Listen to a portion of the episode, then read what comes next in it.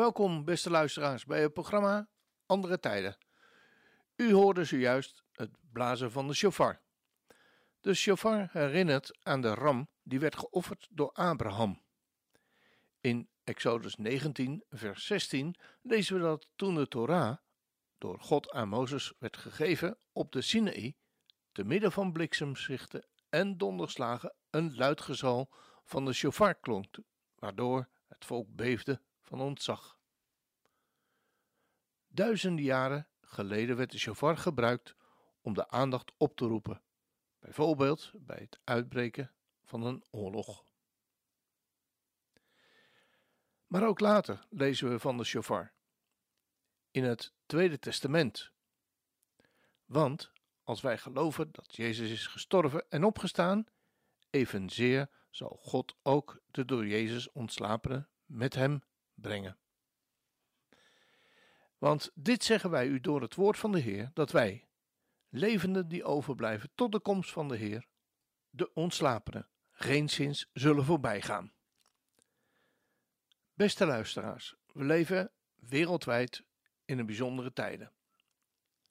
Hoe we die ook inschatten, we mogen uitzien naar andere tijden. Naar de tijd dat de Heer zelf met een bevelend roepen, met de stem van de aartsengel en met de bezuin van God zal neerdalen van de hemel.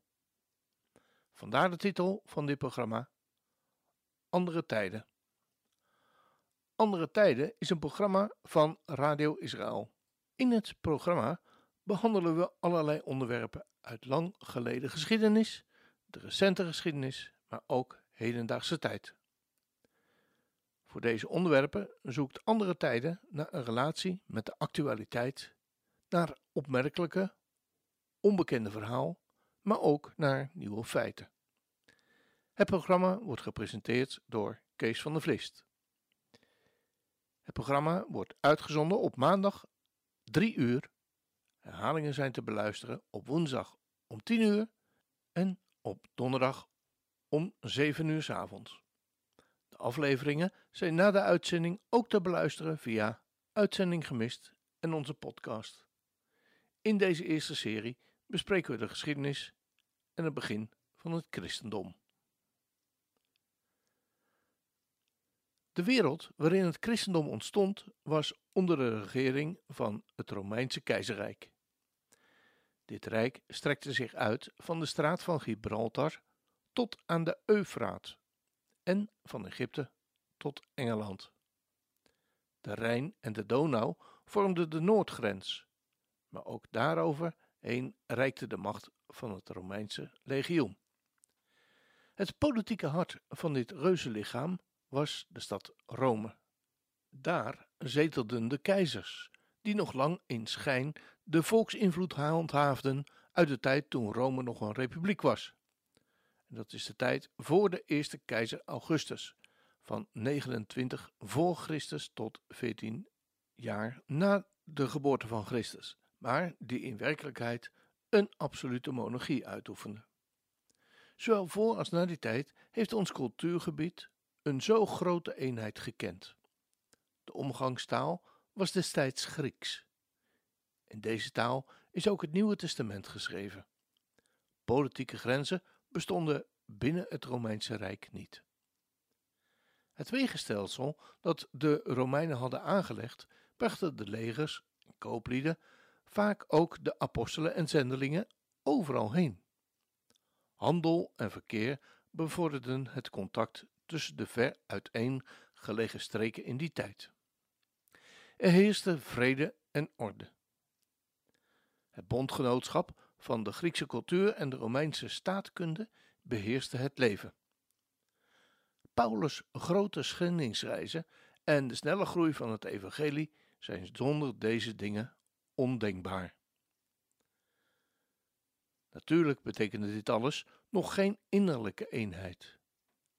Al waren de volken, de Kopten, Syriërs, de Joden enzovoort, politiek aan Rome onderhorig, de Griekse cultuur beïnvloedde hun leven slechts oppervlakkig.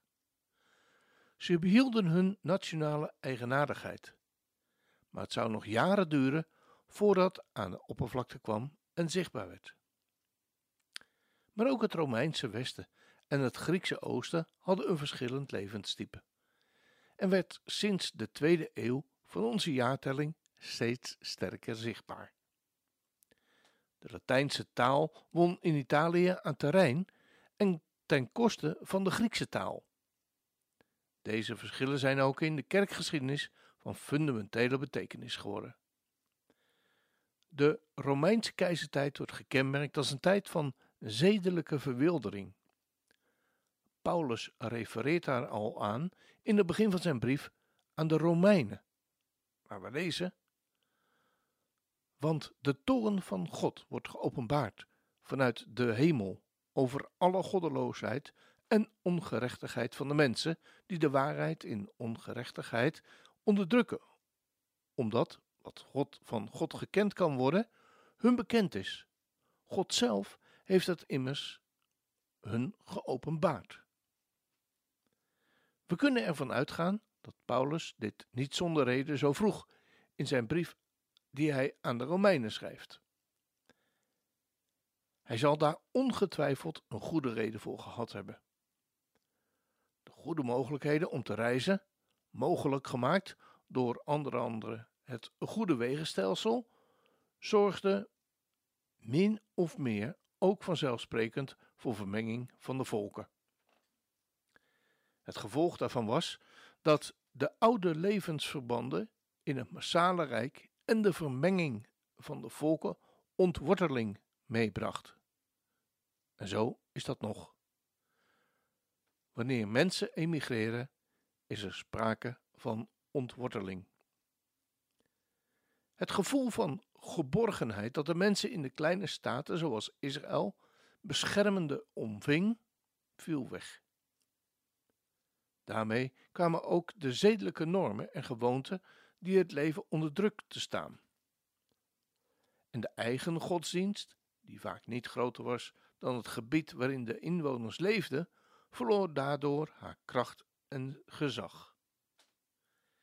Buiten de oude levensverbanden wordt de mens een enkeling en staat hij eenzaam in een angstig wijde wereld. In die omstandigheden waarin je jezelf alleen voelt, komen de vragen als het ware vanzelf naar boven. Waartoe ben ik op deze wereld? Wat moet ik doen? Waar mag ik op hopen? En waar kan ik houvast vinden? We onderbreken even met wat muziek.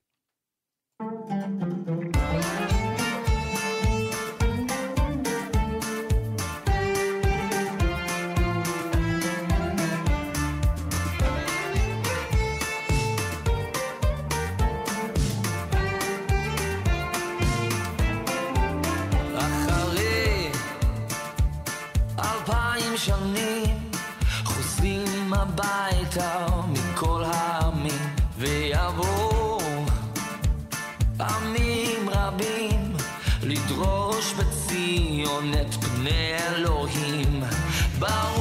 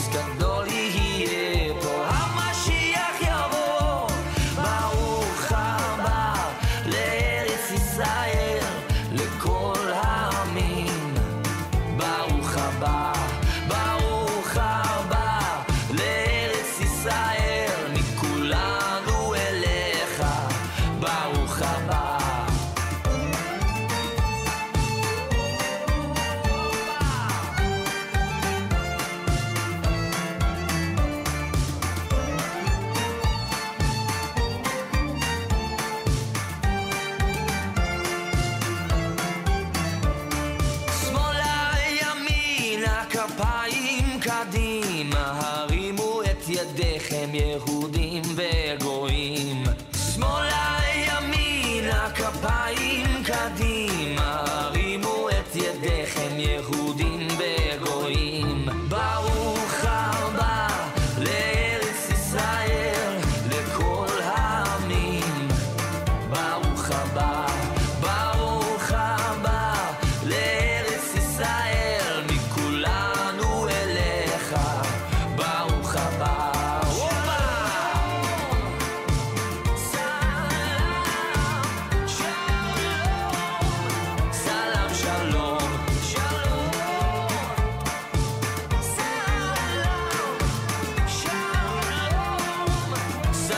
calor.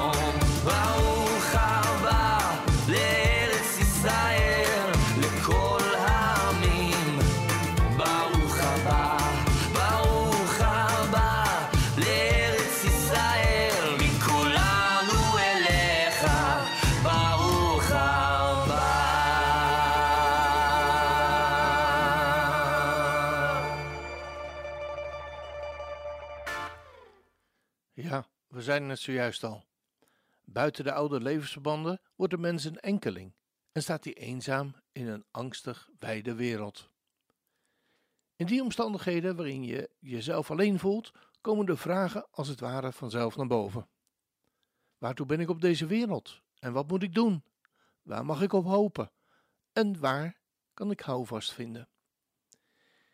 In het begin van onze jaartelling zien we dan ook een groei van allerlei vormen van religie plaatsvinden. Iets daarvan lezen we in het begin van de handelingenperiode als Paulus een bezoek brengt aan Athene. We lezen daar.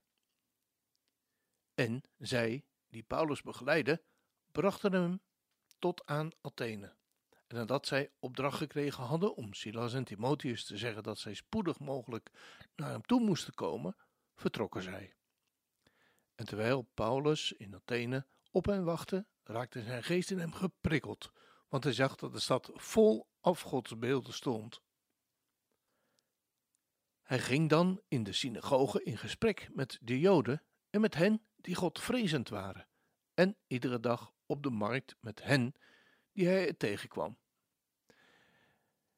En enige Sturicijnse wijsgeren raakten met hem in een twistgesprek. En sommigen zeiden: Wat zou die praatjesmaker toch willen zeggen? Maar anderen zeiden: Hij schijnt een verkondiger te zijn van een vreemde goden. Want hij verkondigde hun Jezus en de opstanding. En ze namen hem mee en brachten hem op de Areopagus. En ze zeiden: Mogen wij weten wat die nieuwe leer inhoudt, waarover u spreekt? Want u laat ons enkele vreemde dingen horen, die u en wij willen daarom weten wat die te betekenen hebben.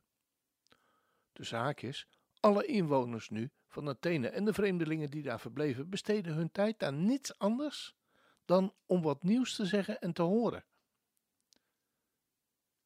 En Paulus, die midden in de Areopagus stond, zei: Mannen van Athene, ik merk dat u in alle opzichten zeer godsdienstig bent. Maar toen ik de stad doorging en uw heiligdommen bekeek, trof ik ook een altaar aan waarin het opschrift stond aan een onbekende God. Deze dan, die u dient zonder dat u hem kent, verkondig ik u. Tot zover. Het oosten heeft voor het westen altijd een aantrekkingskracht in geheimzinnigheid gehad. In deze tijd was, maar zeker ook in de tijd waarin wij leven, was en is die aantrekkingskracht nog sterk aanwezig. Het verlangen naar verlossing blijkt een universeel verlangen van de mens te zijn. Het aardse leven werd in de begintijd van onze jaartelling gezien als een volportaal naar een hoger bestaan, van een lichtend hiernamaals dat de mens moet en kan bereiken door zijn neigingen te onderdrukken. De mens onderwierp zich aan geheimzinnige inwijdingsceremonieën en deel te nemen aan plechtige handelingen, mysterieën, die de overwinning van het leven op de dood voorstellen en bewerken. Wat dat betreft is er nog niets nieuws onder de zon. Deze religies geven de mensen een nieuwe ethiek, een gevoel van veiligheid en het verheffend uitzicht op een beter leven. Hier vond men wat men zocht. Vanaf de eerste tot de derde eeuw verbreidde de verering van Egyptische, Syrische, Persische, Klein-Aziatische en andere goden zich snel door het hele rijk. U moet dan denken aan Isis, Osiris, Baal, Mithras en Kibele, de toenmalige goden. Een bijzondere plaats onder deze vormen van religie nam de keizerverering in. Ook deze wortelt in een Oosterse gedachte, namelijk dat de keizer drager van bovenmenselijke krachten is en dus tot goddelijke wereld behoort. Hij is de zoon van God en Heer. Sinds Alexander de Grote ging deze opvatting ook in het Westen een rol spelen.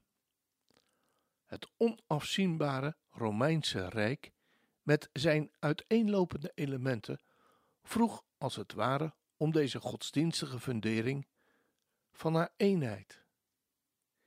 Eerst werden de keizers alleen na hun dood vereerd, maar daarbij kon het niet blijven. Het offer aan de levende keizer werd het hogerhand verlangende teken van de politieke betrouwbaarheid. Het betekende een erkenning van de staat als drager van goddelijke krachten. Het betekende door zijn praktisch politieke gewicht ook het punt waar de tegenstelling tussen kerk en wereld openbaar moest worden. Onder een kleine groep van ontwikkelde mensen was de situatie anders. Het gevoel van ongeborgenheid en er alleen voor staan in de wijde wereld had hier het probleem van de ethiek wakker geroepen.